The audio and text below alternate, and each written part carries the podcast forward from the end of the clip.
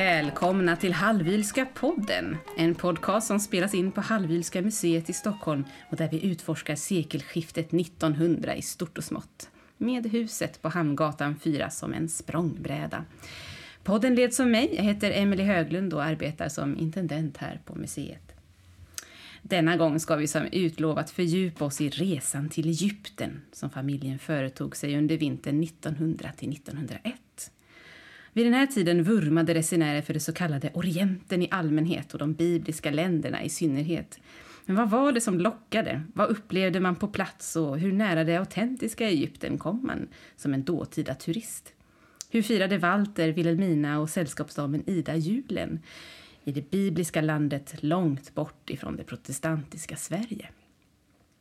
Med mig i det här avsnittet har jag intendent Sara Dixon, Hej. Hej, som ju berättat om Wilhelminas resor tidigare i podden. Och intendent Frida Bovallius. Hej. Välkomna! Tack. Tack.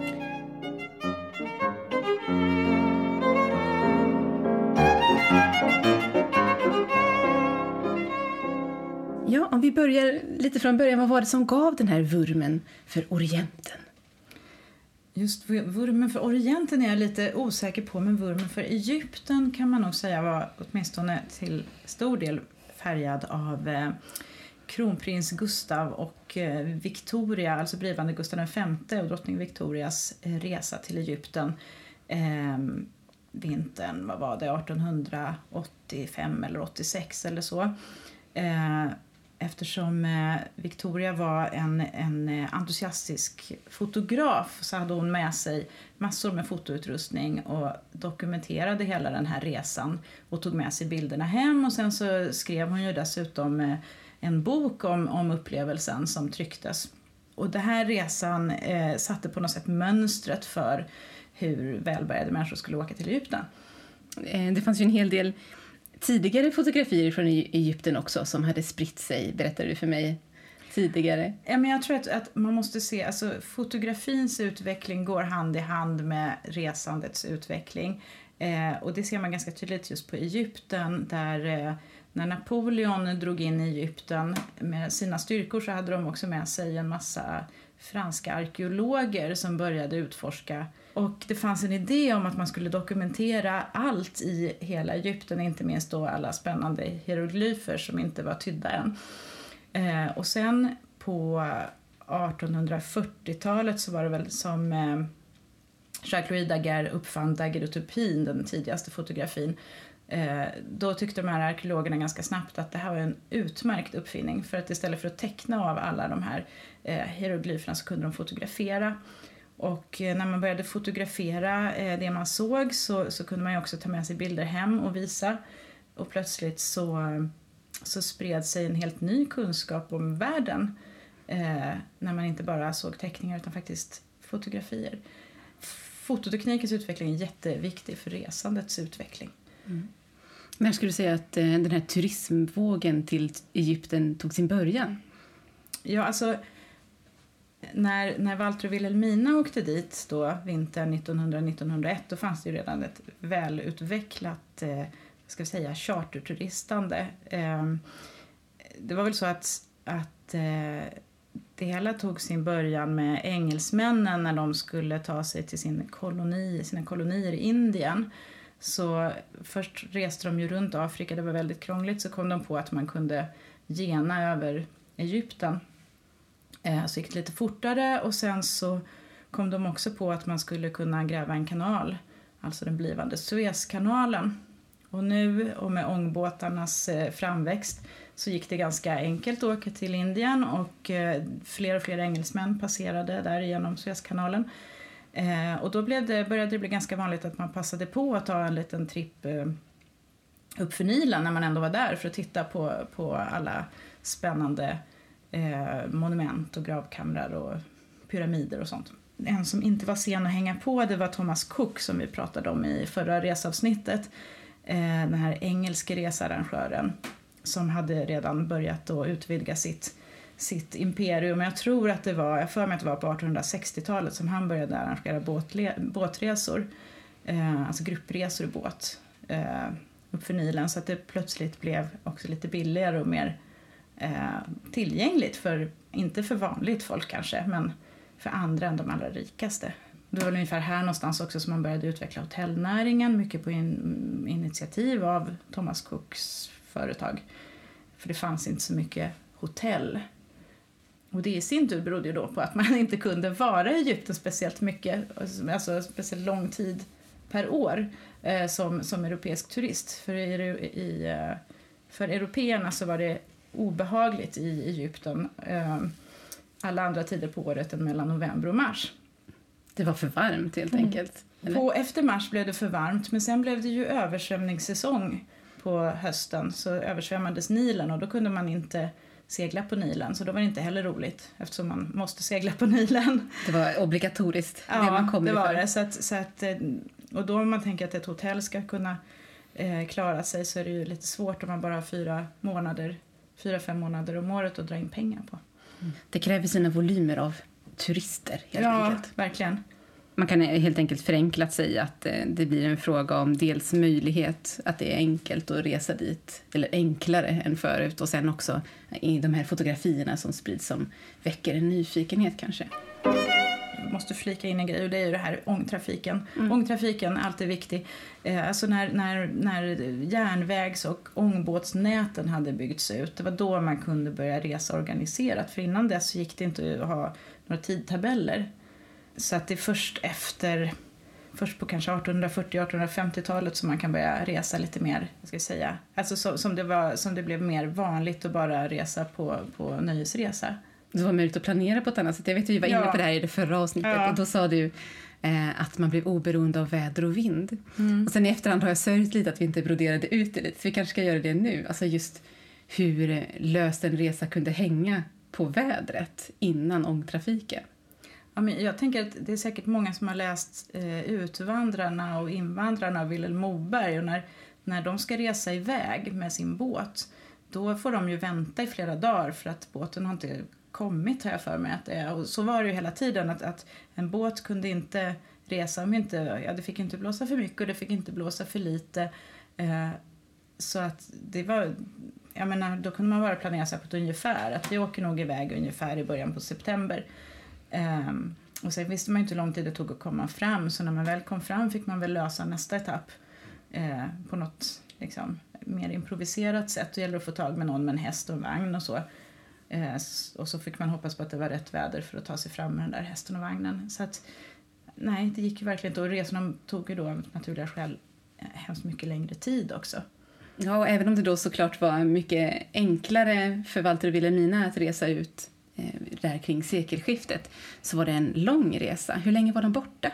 De var ju borta från Sverige från början på november till juni någon gång. Jag kommer inte ihåg exakt när de kom tillbaka men eh, det var ungefär halva den resan då som var eh, Egyptenresan och sen så reste de vidare till Palestina och red på häst från eh, Jerusalem till Damaskus och sen så tog de någon sväng där i Syrien och upp genom Turkiet och sen som alltid tillbaka över Schweiz. Eh, för en sån lång resa anar jag att man behöver ha en diger packlista. Vi har en lista kvar som, som Wilhelmina själv har skrivit om vad hon hade med sig. Eh, och här finns allting specificerat. Det är kläder, det är sidenklänningar och skräddarklänningar och koftor och bomullsblusar och så vidare. Regnkappa ska man ha eh, skinnväst, vad nu det kan vara. Gummikappa kan man behöva om det regnar. Eh, det är underkläder och hattar och kängor av olika slag och finskor. Eh, och sen så har vi eh, yllebyxor, inte att förglömma, och maggördel, vad man nu ska det till. Eh, under diverse här har vi eh, parasoll, skärpband, sidenslipsar, eh, andra slipsar, plym kan man behöva. Eh, Pince-nez-snodar, tre stycken. Eh, diamantarmband och så vidare och andra smycken också.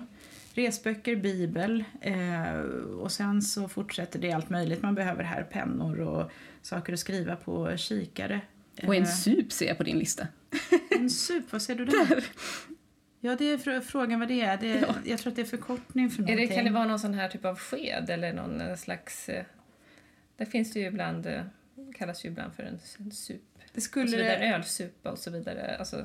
Fast den här står bland pinceneznoderna Ja, ja, okej. så att det kan vara också att det är felskrivet eller något. Eh, för de har med sig spritflaskor också. Det är sysaker, kamsaker. Apoteket är, är ju roligt. Eh, där ska, har vi isblåsa, vaxduk, bindel, lavemangssprutor med slang, insprutningsbeskrivning för man inte vet hur man ska göra, morfinsprutor eh, och så vidare. och så vidare. Och opiumdroppar, blyvatten, vad har man det till? Seroform, kan det vara kloroform? Jag vet inte. Eh, bårgas, alun, morfin, migränpulver, bla bla bla bla, ögondroppar, kakao, te. Det är apoteksvaror. Mm, det är apoteket. Eh, det som är roligt med det här är också att allting finns så dokumenterat i samlingarna så att vi kan att de flesta av de här föremålen på listan kan vi också identifiera i, i våra samlingar och titta på bilder av och så. Sen är ju hela resan väldigt väl dokumenterad också. Wilhelmina hade ju sin sällskapsdam Ida Ose med sig på resan och hon har ju dokumenterat den här resan väldigt noggrant i sin resedagbok. Och sen så hade de ju med sig tre kameror på resan också, så den finns ju också väldigt väl dokumenterad på bild också. Vi kanske ska berätta vilka som var med på resan. Det har Ja. vi ju inte gjort ännu. Ehm, det var ju då Walter och Wilhelmina von Hallwyl och eh, sällskapsdamen fröken Ida Ose. Och så var det Wilhelminas mamma, Johanna Kempe, och hennes sällskapsdam, fröken Elma Höök. Eh, och sen så var det en av Wilhelminas döttrar, Irma von Geijer och hennes man, Wilhelm von Geijer, och sen andra dottern Ellen von Hallwyl, eller Ellen eh, de Maria som hon hette på den tiden, gift med Henrik de Maria. Alla var inte med hela tiden, ska vi väl säga. Eh, Ellen och hennes man till exempel, de anlände ju dagen innan julafton och sådär. Så alla var inte med hela tiden. Sen så kom det en och annan eh, medföljare här och där också. Den här eh, var han generalkonsul Cederkrans med familj som var ute och reste på Nilen med familjen och de bjöd varandra på middagar och sånt. En bekant som man stöter på under resan eller en ny kontakt. Vet inte riktigt faktiskt, men de verkar ju välbekanta eftersom han får åka med dem på deras hyrda båt. Ja, men över, överhuvudtaget så hade de ju ett väldigt rikt socialt liv där borta förstår man ju också. Eh, och det är ju något som man sköter på de här lyxiga hotellen. Ja, var bodde man Ja, under sin Ja. vistelse i Egypten? Ja, men ehm, det fanns ju väldigt mycket lyxiga hotell. Inte under tidiga 1800-talet, då hade ju inte det hunnit utvecklas ännu då. Men under senare 1800-talet så hade det ju kommit många väldigt lyxiga hotell. Och eh, Walter och Wilhelmina bor ju till exempel på Hotell Savoy och Gezira Palace eh, som var två av de lyxigaste hotellen som fanns i, i, i eh, i Kairo. Sen fanns det också ett som hette Shepherd Hotel. Och sen fanns det också ett som hette Mena House, men det låg mer ut mot eh, pyramiderna till. Där vet vi inte riktigt om de har bott, men de har ju besökt det väldigt mycket i alla fall. Förstår man, de har skött sina eh, Ja, men träffat vänner och, och eh, gått på middagar och sådana där saker. Och de här hotellen var ju enormt lyxiga, så de mötte europeisk standard får man ju säga vid den här tiden. Jag tänkte jag skulle läsa lite grann om hur de kunde se ut. Det fanns ju då ett hotell som hette Gezira ehm, eh, eh, Palace som var ett ombyggt palats då. Och det hade 250 rum, elektrisk belysning, balsal, teater, stora trädgårdar. Och eh, redan 1896 så blev det ännu mer uppgraderat med hissar, telefoner, frisersalong, apotek, tennisbanor, hästar och cyklar att hyra. Och som jag sa var det ett gammalt palats, att eh, efter ett tag så öppnade man också upp det gamla haremet och då fick man mellan 350 och 400 rum. Så det var ju enormt stort också. Och det finns faktiskt kvar fortfarande, det här hotellet, eller inte på samma sätt, men det lever kvar idag som ett hotell som heter Cairo Marriott. Eh, sen så då det här Mena House som jag nämnde, där brukade de, det brukade de ju åka till och, och, och, och träffa vänner och sådär. Eh, det hade 80 rum, det, det eh, fanns biljardrum, mörkrum för amatörfotografer, konstnärsateljé, ett bibliotek där man kunde sitta och betrakta turister som klättrade på pyramiderna. Eh, och eh, just vid den tiden när halv, paret Hallwyl fanns där så fanns det också simbassäng, den första i sitt slag i Egypten. Det fanns eh, elektrisk belysning, hiss och en 18-håls golfbana. Så det var otroligt lyxigt på de här hotellen. även vi tror jag, om vi reste dit så skulle vi tycka att det var eh, ja, vi skulle tycka att det var väldigt lyxigt och vi skulle inte sakna någonting tror jag som vi, som vi tycker att vi behöver i våra liv nu. De hade ju som sagt el och rinnande vatten och hissar och hela alltet. En modern standard. Ja, Ja. verkligen. Verkligen, vi har faktiskt tagit med oss en liten meny hit också från just Savoy där man kan se att de har ätit eh, eh, gåslever och ska jag säga, Sara är bättre på franska här för att översätta vad det är de har ätit. Men, eh, Någon typ av fiskfilé, eh, kokt potatis antar jag att pomme nature. Det är... Bakelser och flera efterrätter. Och gåslever och eh, grillade fåglar och eh, eh, ska vi se, auberginegratäng, sallad mm. och så vidare. Eh, Sju det här var ju, ungefär. Ja, precis. Mm. Annandagsmiddagen. Mm. Det låter nästan som att man inte skulle behöva lämna hotellet för att ha en bra resa så att säga. Men det gjorde de ju.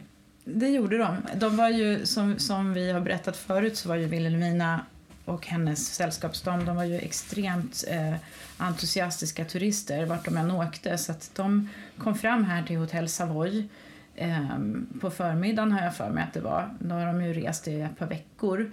Eh, de checkar egentligen bara in och sen går de ut direkt och börjar titta på stan och gå på basarer och eh, de shoppar en hel del. De, eh, det finns eh, nedskrivet också att de handlar. Det är smycken och mattor och eh, allt möjligt. De går också på museer förstås, Egyptiska museet och även andra museer. Och det är intressant då att se att, att på museerna så kunde man köpa historiska objekt, alltså arkeologiska fynd och så. De köpte med sig en hel del avgudar, som Wilhelmina skriver, som, som då är såna här ett par tusen år gamla små skulpturer. Är det Eh, något som man kan se i vår orientaliska samling? Jajamän, det finns, de finns, man kan inte se dem på plats i museet men de finns på internet på bild. Ehm, om man söker på Ushepti-figurer till exempel. Om man kan stava till det. ja, det är en utmaning kanske. Men sen så, och sen var det ju, eh, de gillade att gå i kyrkor och moskéer och så. Ehm, Det var också eh, precis, det är rätt så roligt just Wilhelmina von Hallberg var ju så stor samlare så att det finns faktiskt just ett roligt minne från en av de där kyrkorna när hon och Ida Ose är på en koptisk gudstjänst och så får de varsitt nattvardsbröd. De ska ta nattvarden och Wilhelmina hon äter inte upp sitt utan hon tar med sig det och sparar det så det kan man faktiskt se här i, samlingen eh, i, museet. Men jag tänkte också lägga till att det var ju populärt att besöka privata hem också. mm, just det. Eh, att eh, eh, just det, och att just kvinnliga turister kunde få chansen att komma in just i kvinnoavdelningen, haremet, och att det var ju någonting som var väldigt, tyckte man var väldigt spännande och, och Mm. ovanligt exotiskt, förstod man verkligen. Den här vurmen för det orientaliska alltså, innebar bland annat att man var väldigt intresserad i västvärlden av, av kvinnans position i, eh, i eh, österlandet, eller orienten som de sa. Ehm, och det här var ju ett privilegium, det här var ju faktiskt ett privilegium som kvinnor hade, som du säger. Det, det var ju inte, det var inte så många saker som kvinnor fick göra som inte män fick. Men att besöka harem, det fick de. Och då fick Walter sitta utanför och vänta. Som man så ofta gjorde när Ida och Wilhelmina var ute på sina äventyr. Kanske Ja, Ida, säga. ja, Wilhelmina beskrivs ju som outtröttlig när det gäller till att besöka museer. Precis, Ida Osa hade kanske inget val, men Nej. hon var också ganska, hon utvecklades om inte annat till outtröttligt. precis. Eh, de besöker ju pyramiden också som jag var inne på förut. Ja, det gör de Ska ganska snabbt, så jag gör Ja, det. ehm, och det var ju eh, fram till 1874 så var eh, pyramiderna i Giza världens högsta byggnader och de syntes för många ställen i Kairo. Men det var inte så lätt att ta sig dit, i alla fall inte innan 1899. Eh, för att eh, det tog ungefär två dagar att ta sig dit ifrån Kairo förstått som med full packning och sådär. Men, men 1899 så byggdes alltså en elektrisk eh, spårväg ut dit så då tog det bara ungefär 40 minuter. Så det, den hade ju hunnit bli färdig innan Walter och Wilhelmina åkte dit. Så att de var där och det var tydligen vanligt vid den här tiden att också bestiga pyramiderna. Det kan man läsa om i Bädekers böcker som du pratade om Sara. Och i hans böcker så beskrivs det som att det behövs tre beduiners hjälp. Två som drog i armarna och en som puttade på bakifrån. Men eh, det här verkar ju inte vara någonting som paret von Hallwyl gjorde utan de verkar ha nöjt sig med att stå nere på marken och titta. Gustav V däremot finns det bilder på när han och, och, och hans följe klättrar upp. Och sen som jag berättade för er innan så har jag sett ett jättefint foto på något, jag tror det var ett amerikanskt sällskap som sitter högst upp på en, på en pyramid med ett bord och eh, uppdukad måltid och servitörer och hela eh, apparaten där uppe. Ehm, så föreställer man sig lite då hur det måste varit att bära upp allting. Mm. Det var inte de här amerikanerna själva som gjorde det kan man lägga till. Utan deras eh, ja, lokala tjänstefolk. Hur klädde man sig då? Eh, inte i shorts och t-shirt, vill jag säga. De, det, det, om man läser eh, de här reseguiderna som fanns, Bedekers reseguide var väl den, vad ska vi säga, den största och sen har Thomas Cook har också reseguidesböcker. Eh, så förstår man att man skulle ha rätt rejäla kläder med sig. En man skulle väl ha Eh, han skulle ha flanellkostym och någon annan ljus kostym och kanske en mörk kostym om han ska gå i kyrkan eller på fina middagar. Man kan behöva ha jakt och ridkläder och sånt också. Eh, och damerna, alltså eh, om vi utgår från beskrivningarna och eh, Wilhelminas packlista så kan man ju förstå att de hade, först hade de väl någon så här combination som var som en liten underklädsoverall eller vad man ska säga, alltså linne och byxor som sitter ihop. Eh, och så hade de ju, jag vet inte exakt hur och i vilken ordning, men korsett och underkjol såklart. Eventuellt något annat linne och sen rejäl bomullsblus, linnekjol ner till marken, yllestrumpor förmodligen. Eh, rejäla kängor ska man ha. Det är inte minst bra för att skydda sig mot malaria. Eh, och sen så gällde det att ha någonting rejält på huvudet också för solsting är det värsta som finns. Och då då har vi den här tropikhjälmen. Så det är en ganska intressant, ett intressant plagg som fanns eh, för både herrar och damer fast Wilhelmina och Ida hade vanliga hattar men Walter och de andra männen i, i, i sällskapet här de hade verkligen tropikhjälm och de här tropikhjälmarna de var, alltså de är ju den vad ska jag säga, yttersta symbolen för, för kolonial-Europa. Eh, Lokalbefolkningen har aldrig tropikhjälm utan det är bara västeuropeiska resenärer som har det eh, de symboliserar någon slags övermakt. Nu tror inte jag att, att kanske Walter eh, von Hallwyl tänkte så.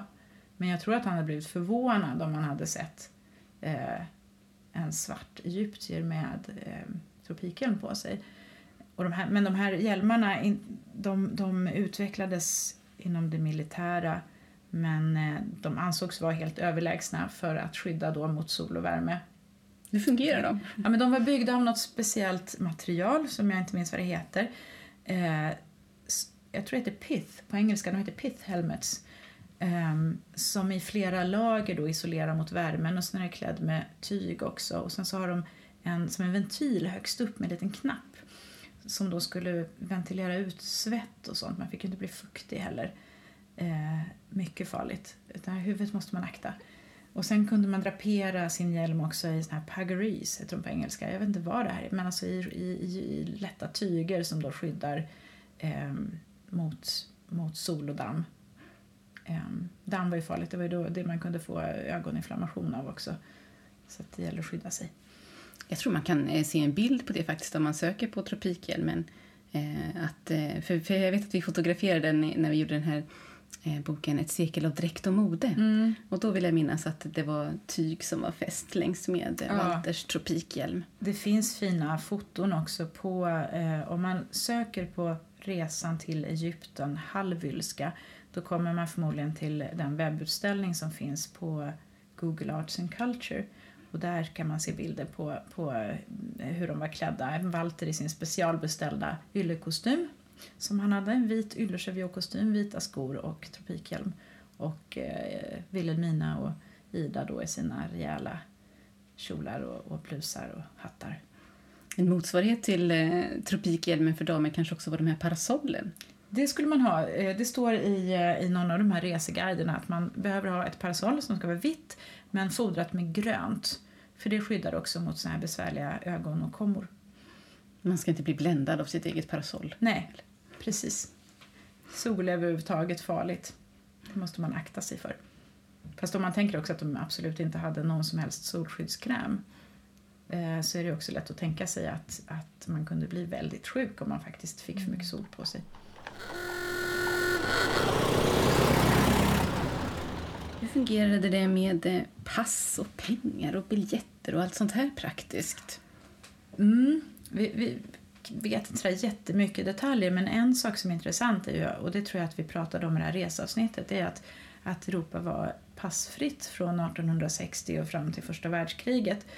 Eh, men pass kunde man behöva, det står till och med i de här reseguiderna förresten att, att eh, pass behöver man oftast inte i Egypten utan man klarar sig med sitt visitkort i nästan alla sammanhang. Det är bara om man ska gå till banken som man kan behöva identifiera sig med ett pass. Eh, dessutom så var inte Turkiet passfritt så att om man då skulle ta den här ganska vanliga svängen efter Egypten genom Palestina och Turkiet då behövde man ju också ha, ha ett pass. Eh, biljetterna bör ha gått att boka hemifrån men det har vi inte heller så. Alltså jag, vet, jag kan faktiskt inte detaljerna. Jag vet att det kostade att en biljett till, från Stockholm till Berlin, enkel resa har jag för mig kostade ungefär 80 kronor och att det då motsvarade, att 100 kronor tror jag motsvarade typ 300 timmars arbete av en manlig arbetare vid den här tiden. Och idag får man inte en halvtimme ens. Så att det var ju inga, och det här var bara till Berlin. Och så vet vi att de åkte sen från Berlin och vidare ner till Italien åkte de lyxtåget. berättar Ida Ose, så det bör ju ha varit ännu dyrare. Men om de köpte de biljetterna då i Stockholm eller i Berlin, det, det vet vi inte. Eh, reste man med en sån här resebyrå så kunde man få hjälp med pengarna via dem och oftast var det bra att ta med sig någon internationell valuta, typ guldpund eller eh, fransk, vad de nu hade för pengar i Frankrike. Det var, det var komplicerat med valutorna också. De, det är inte så att det bara var pund och, och pence i England utan det var eh, skilling och alla möjliga eh, olika eh, valörer. Och eh, i Egypten så fanns det också då lokala, det fanns piastrar och vad det var, sådana som låter som piratpengar. Eh, som funkade ibland och inte ibland. ibland. Det är lite som idag i vissa länder att det är bättre att ha med sig dollar än att ha med sig den lokala valutan. Eh, men man kunde alltså gå till en bank i Egypten och ta ut pengar eh, om man hade så då fick man väl telegrafera hem förmodar jag. Ehm, det fanns ju faktiskt snabb förbindelse, man kunde ju både ringa och telegrafera långdistans. Men, eh, hur kunde man göra om man då inte hade något pass om man skulle gå till banken? Alltså om man var, åtminstone om man var engelsman och behövde ett pass så står det i, den här, eh, i, i någon av reseguiderna att då kunde man eh, få hjälp med att få ett sånt här pass. Jag, jag, tror att man måste vara hemma i England faktiskt för att få passet ändå. Eh, genom resebyrån så kunde man få hjälp eh, att få pass och då behövde man ha eh, ett identifikationsbrev som skulle vara bevittnat eller stämplat av eh, ja, det kunde vara någon advokat eller minister eller eh, bankman eller läkare eller kirurg eller annan ämbetsman boende i England. En allmänt pålitlig person. ja, någon med en, en, precis, någon med en hedervärd position i samhället skulle skriva på det här brevet att det här är verkligen Frida. Eh, och sen kunde man få sitt pass. I Sverige var det överståthållarämbetet som utfärdade pass. Som är en del av hovstaten, eller? Ja, jag tror det.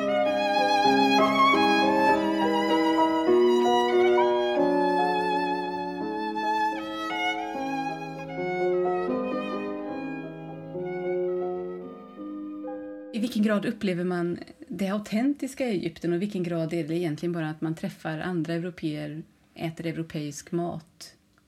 Förstår ni vad jag far efter? Jag föreställer mig att, att det var ungefär som det är när vi åker som turister idag. Alltså att, att ehm, eh, researrangörerna och hotellägarna de gör ju allt för att man ska känna sig så hemma som möjligt på hotellen. Och det är, är, är europeisk eh, upppassning och europeiska kockar och, och så vidare. Eh, och så, hotellen är byggda i det som liksom västerlänningar uppfattar som egyptisk stil. Eh, men sen, och sen så är man ju, det är ju inte så att man liksom blandar sig med lokalbefolkningen speciellt mycket och, och umgås. Även om Ida Ose faktiskt skriver om hur de går på café och sitter jämsides med, med liksom, ja, lokala Kairobor och så. Men det finns inga rapporter om att de egentligen pratar med dem eller så utan de, umgänget är ju helt, ja, nästan helt svenskt egentligen. Um, och sen tittar man ju på sevärdheter de är ju inte i, ute och tittar på jordbruket eller, eller så. Precis, men eh. samtidigt så vill de ju inte klassa sig just som turister heller på det sättet. För att eh, när man läser Ida Oses eh, eh, anteckningar så, så, ser de ju också ner på andra turister. De vill göra mm. skillnad på sig själva och andra turister. Och särskilt just de här cook-turisterna som du har pratat om, för de reser ju faktiskt i stora sällskap när de besöker Horustemplet så har ju Ida Ose fått syn på ett sånt här kocksällskap på 65 personer och då beskriver hon att guiden är monoton och gör ett löjligt intryck och dessutom så skriver hon att eh, de skövlar och skräpar ner och är skräniga och så vidare. Mm. Men på samma sätt får man ju säga att eh, Wilhelmina och Walters gäng beter sig för när de besöker kattgravarna så beskriver ju Ida att eh, Henrik Dumare han tar med sig en Ja, en kattmumie. En, en mumie, precis, och tar, och tar hem till sin son. Så att de beter sig ju också på samma sätt som ja, de här andra turisterna egentligen. Det är intressant. Och sen i nästa mening kan de skriva att det är så hemskt att man inte lämnar gravarna i fred. Ja, exakt, exakt. Mm. Men, men ja, de tar med sig allt möjligt som de hittar på marken. Um, men, det, men, det, men det var ju bara dem. ja, precis. Men det var väl kanske också lite typiskt för turister vid den tiden att man skulle ha med sig souvenirer nu tänker jag på något som är helt orelaterat, men vi har till exempel en, i, i um, gymnastikrummet så ligger det en flisa från en, en tågvagn där, det, där man har rest med tåg en gång och eh, krockat. Mm. Och då så ska man ha liksom en flisa av den här vagnen som ett minne. Att mm. minnen är så viktiga. Det där är faktiskt lite intressant nu när vi pratar om, om resande just. För den där historien om den här tågvagnen den kan man ju koppla ihop med Wilhelminas skrockfullhet. Hon var ju otroligt vidskeplig och särskilt när det gällde just resor. Man skulle aldrig resa eller komma hem på en fredag till exempel. Ehm, det finns ju flera sådana historier där hon bad chauffören köra långt över eh, den lagliga hastighetsgränsen för att han skulle kunna komma hem innan midnatt, innan det hade blivit fredag vid något tillfälle och sådär. Och samma är det just med den här tågrälsen som du pratar om nu. Det var alltså när, när Walter och Wilhelminas barn var små, de åkte runt någonstans i Tyskland och de hade en plats i någon av vagnarna längst fram och Wilhelmina kliver in i den här vagnen och vägrar sätta sig och gjorde en ganska stor affär av det här. Och Walter tyckte nog att hon var ganska pinsam. Men hon får hela familjen att ta en annan plats längre bak i tåget och senare under den här tågfärden så spårar ju faktiskt tåget ur och människorna i den där första vagnen krossades till döds. Så att eh, hon, hon trodde nog också själv att hon hade någon slags varsel eller sådär. Det är en ganska märklig händelse och just den här tågflisan du berättar om den är faktiskt bara just från, från den här händelsen. Sen om huruvida det är sant eller inte det vet man ju inte riktigt, men den, den har en ganska tydlig symbolisk betydelse, då, tror jag, för Wilhelminas Alltså dels såklart för hennes samlade, men kanske framförallt också för den här otroliga vidskepligheten som hon har. Ett Eller bevis. vad säger ni? Ja, vad säger ja, ni? Ja. Det tror jag också. Men sen tror jag också att hon tyckte, alltså hon sparar ju på såna här vad ska jag säga, känslomässiga Visst. minnen. Det är sand från Sahara och Visst. det är eh, vatten från Jordan och det är aska från Pompeji och så vidare.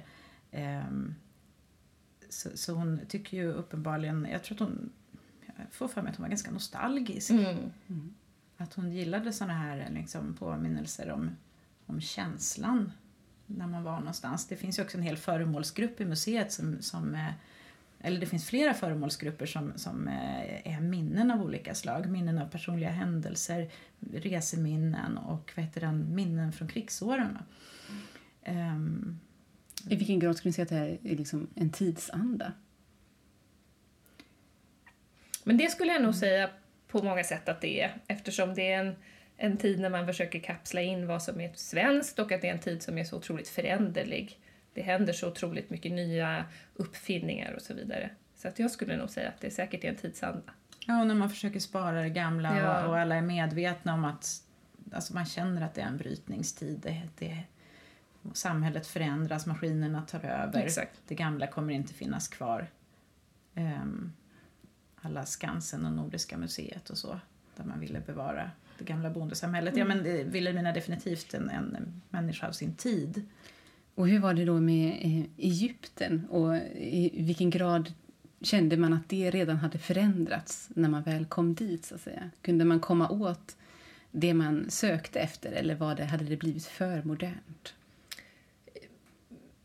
Ja, på ett sätt så förstår man ju att folk åker dit, för jag har förstått det som att folk inte åkte dit för att se det här moderna Kairo, utan man åkte ju dit faktiskt för att titta på det historiska Egypten. Mm. Kungarnas dal och pyramiderna och ruiner och så vidare. Så, så, så på det viset så förstår man ju att man väljer just Egypten. Kanske man är mm. ute efter någonting. Men det är ju fornminnen och de ligger ju väldigt ja. långt tillbaka i tiden mm. så det är ju inte så att man förväntar sig att träffa på någon farao eller så. Nej.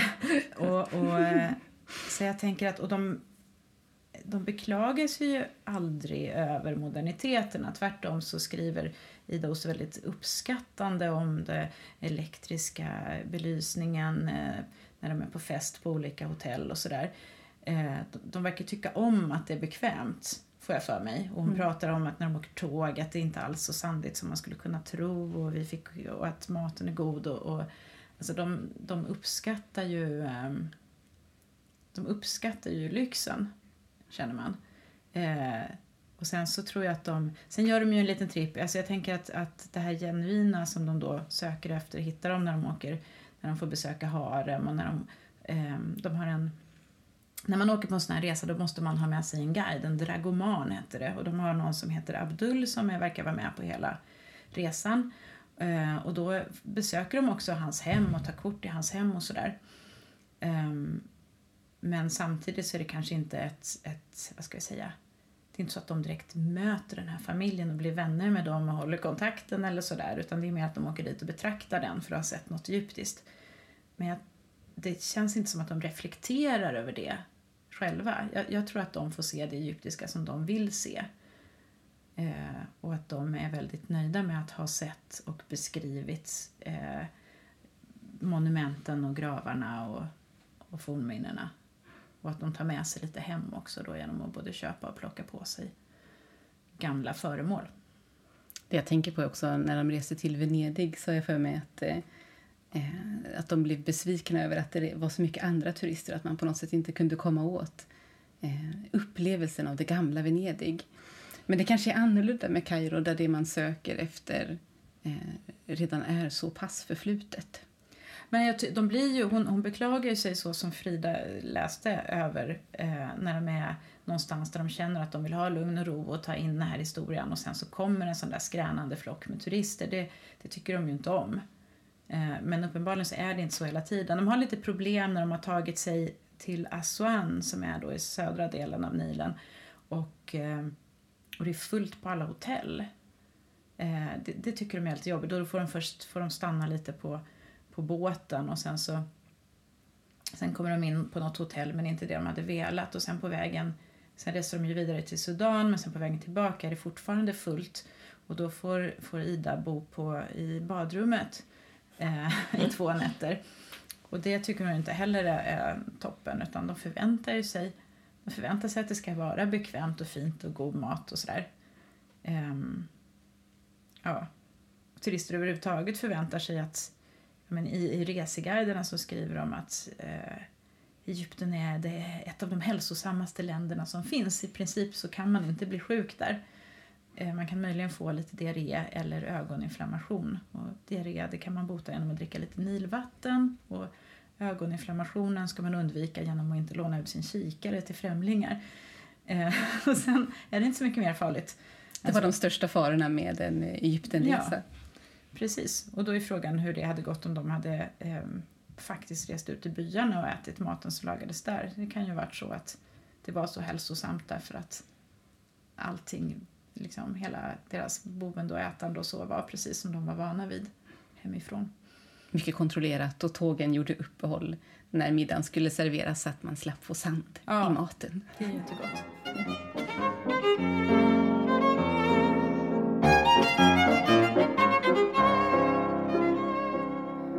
Upplevde de det de såg då? Vad tyckte de om den egyptiska konsten? Ja, det, det eh, Ida Ose skriver att hon tycker att den egyptiska konsten är lite enformig. Eh, roliga är att hon sen sida upp och sida ner och sida upp och sida ner i sin dagbok beskriver den här enformiga konsten på ett mycket enformigt sätt. Så att man liksom känner med henne. För det, det är väldigt tråkigt, läst, och tråkigt att läsa helt enkelt. Sen blir hon lite tagen ibland av monumentens storhet och så, och när det är fina utsikter. Du har inget exempel som du vill dela med oss av den här enformiga och tråkiga läsningen? Eh, jo, men det kan vi nog ordna. ja, det här är inte så roligt. Eh, redo på morgonen, nu är vi i Luxor 10 januari.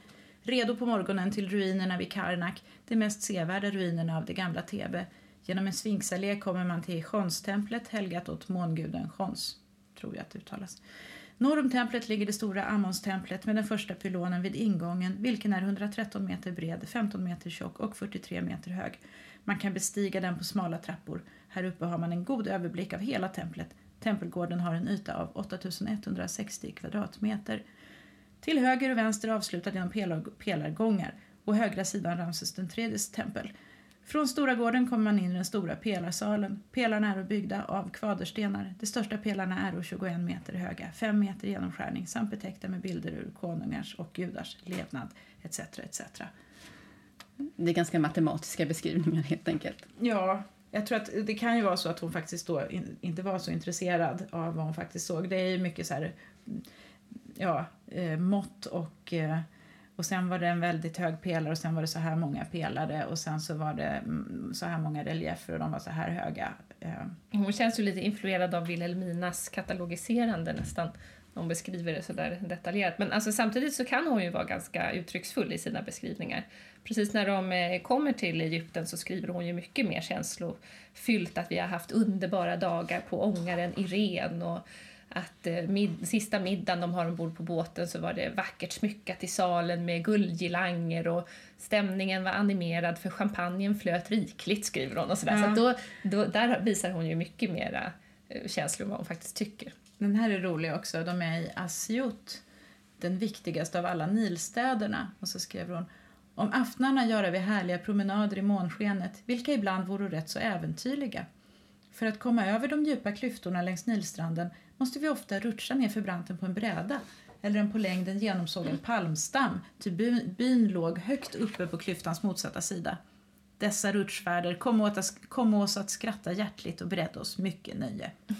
Jag tycker det låter helt livsfarligt att åka bräda nerför nerför branterna. Men det är en fin bild att ha Wilhelmina och Ida i 50 plus-åldern. Ja, men de, är rätt, de är rätt riviga. De hoppar ju lätt upp på en åsna och rider i fyra timmar och ror över Nilen och vandrar och sådär för att få, mm. få se något som de har tänkt sig att se. Mm. Och de två ensamma med... Just Och vad var det Ida sa om kamelen där? Eh, det var, att det var inte så svårt att rida på kamel. Utan det var tvärtom ganska lätt att bestiga det långbenta djuret. Just det. Hon kanske var en, en van ryttarinna på ja. andra kreatur. Hon berömmer sig för det faktiskt. Att, att, eh, och, och, säger att det var nog många som blev lite imponerade av henne och Vilhelmina när de hoppade upp på sina kameler så ledigt. Vi har ju lite i förbifarten bara nämnt båten som de reser på upp för Nilen. Just det, men det, där är ju, det här är ju ganska viktigt faktiskt det här med Nilen för mm. att eh, ända sen som jag sa de här engelsmännens tid när de eh, reste till kolonierna i England, nej i Indien, så, så har man eh, velat göra den här Nilturen när man är i Egypten och det, det var liksom obligatoriskt för en Egyptenresenär att man skulle ta ungefär en månad på sig, kanske två, för att eh, resa längs hela Nilen Eh, det är det här märkliga att man åker upp för Nilen när man åker söderut som jag har lite svårt att, att förhålla mig till. Men i alla fall, då kunde man eh, de, om man var allra finast då skulle man hyra ett segelfartyg, en dahabeya. Eh, och det var väl finaste för att det tog längst tid helt enkelt. Eh, då, fick och då visar man att man har råd att vara borta länge? Eller? Råd att vara borta och råd att hyra länge och sådär. Så det var, det var det tjusigaste och det minst tjusiga var ju då förstås att åka sån här eh, turistbåt med till exempel Cook Travel så det fanns andra företag också som, som organiserade gruppresor där man helt enkelt betalar för en hytt. Eh, men sen eh, för familjen von Hallwyl då så de valde väl ett eh, det näst elegantaste alternativet skulle man kunna säga för de hyrde en hel ångbåt, ångaren Columbia från American Nile Steamer Company. Ehm, och eh, med besättning då, kock och hela faderullan. Så att de kan strax efter jul, jag tror att det är på tredje dag jul som de hoppar ombord på Columbia och sen så reser de ända till eh, Wadi Halfa i nuvarande Sudan eh, med den här båten och sen så tar de tåg till Khartoum i Sudan och tillbaka och sen så kör de båten då hela vägen tillbaka till Kairo. Eh, ja, de är ju borta ett par månader där faktiskt och stannar på alla viktiga historiska platser och tittar på alla tempel som finns, känns det som i alla fall. De är väldigt grundliga i sitt turistande. Mm. Mm. Det viktigaste man eh, skulle se på den här eh, Nilresan var ju katarakterna. Kan du inte berätta lite mer om dem? Ja, det är de här strömma partierna i Ja. Nilen som jag har en känsla av kanske inte är så strömma längre för nu är ju Nilen uppdämd eh, för att förhindra de här årliga översvämningarna. Men vid den här tiden så, så översvämmades fortfarande Nilen då en gång om året och då kunde man inte alls segla uppför eh, Nilen. Ehm, men när det var lite då lugnare på vintern så kunde man det. Och så kommer de till den här första katarakten som är, ja men det är ju då som, En fors. det är inte, ja en fors. Mm. Och då så skriver eh, Ida Osa att eh, hon var inte så imponerad, eller vi var inte så imponerade av katarakten, ty vi vore vana att se Ljusnäälven. I Hälsingland. Ja, precis. Ja, dit de åkte varje år. Ehm, ja, men sen fast de hade den här fina båten då som jag nämnde så, så tog de ju in på hotell ändå längs vägen. Inte överallt, men ofta. För det var ändå inte tillräckligt bekvämt på något sätt, eller fint, eller jag vet inte varför de inte ville bo på båten. Men hon skriver ganska mycket om det när de kommer till Aswan där och det, att, att det är fullt på hotellen och de tvingas bo kvar på båten. Um, alltså jag, jag tänker mig lite att jag i deras ställe hade tyckt att det var rätt så trevligt att bo på den där båten och ha kvar sin hytt och sina grejer och så. Men... Men då får du ju inte uppleva hotellet. Nej, och societetslivet, för det är ju det att det följer dem. De umgås ju, de umgås ju europeiskt så att säga hela vägen. Man träffar ungefär, man har ungefär samma typ av umgänge som man har hemma. Eh, går på ungefär samma typ av bjudningar och middagar och baler och så vidare.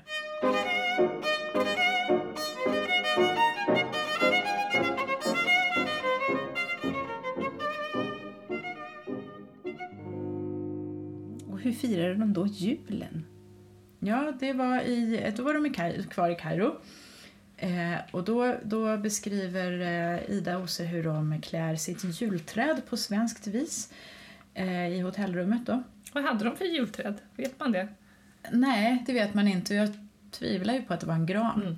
Men något träd har de i alla fall släpat upp där på rummet och klätt, så de har väl med sig julpynt också.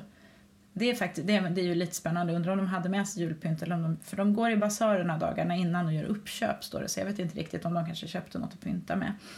Finns julpyntet på packlistan? Nej, så att det kanske inte var något med, utan de kanske köpte det. Någon av döttrarna möjligen. Ja, så kan det också vara. Det är, deras packlistor ja, kanske. Nej, det här är ju foton man önskar att de hade tagit. Mm. Eh, ja, sen så har de, eh, sen käkar de middag på hotellet på julafton då och sen så går de upp och eh, då har de den här Cederkrans då, generalkonsuln på middag också. Sen går de upp till rummet och dansar kring granen. För det skulle man göra och så delar de ut julklappar och det finns, eh, de har vi i katalogen. Vilhelmina Wilhelmina fick ett guldarmband och det fick också Ida Ose och Walter tror jag fick manschettknappar va, av guld som de har varit ute och köpt då dagarna innan. Och sen vet jag inte riktigt vad de andra fick. Det finns, jag tror det finns katalogiserat men jag minns inte. Och sen så fortsätter det på juldagen och annandagen med, med middagar då som de blir bjudna på på andra. Jag tror att de är bortbjudna på juldagen och sen så är det middag igen på Savoy på annandagen. Så de firar rätt rejält. Det är fina eh, middagar då som vi såg med många, många rätter och enligt det franska köket. Ja, sen är det dags att åka iväg då på tredje dagen. Det finns ingen trevlig stämningsfull beskrivning möjligen i Idas eh, dagböcker. Jo. Mm. Vi läser. 23 december. Idag klockan 12.30 skola Dömares anlända, alltså dottern Ellen med make. Vi glädjer oss mycket åt att få träffa Ellen och hennes man. Dömares har nu kommit. De har haft en god sjöresa. Och sen 24 december. Den heliga julaftonen firar vi idag långt från Sverige. Vi har redan klätt julträdet till aftonen. Vi har också gått omkring med Dumares. Det har tyvärr regnat mycket de senaste dagarna. På aftonen vore Cederkrans på middag i hotellet och därefter gingo vi upp i vår våning för att tillsammans enligt svenskt bruk dansa omkring julgranen. Greven delade ut julklapparna. Också jag fick ett arabiskt armband av guld. Sen är de i Tyska kyrkan på juldagen. Um, och sen på annandagen eh, for till museet, det egyptiska museet. Då. Vid hemkomsten packade vi. På aftonen inbjöd generalkonsul Östberg alla svenskar på middag. Även jag blev inbjuden. Efter middagen gav hotellet en bal. Middagen var mycket glad. Stämningen här har i allmänhet varit god. Klockan 10 EM eftermiddag gick vi ner i, gingo vi ner i balsalongen som var i en paviljong. Gångarna vore omgivna av tältduk så att det icke skulle bli för kyligt sent på aftonen. Allt var mycket vackert ordnat med olikfärgade elektriska lampor. Salarna vore dekorerade i venetiansk stil. Det dansades i stora salen. Klockan ett EM kom vi hem. Och med den stämningsbilden rundar vi av avsnittet för denna gång. Vi passar på att önska er alla en god jul, var än i världen ni må befinna er. Tack till alla er som har lyssnat till oss och tack Sara, tack Frida för Tack att så ni tog er Tack. tid för den här inspelningen.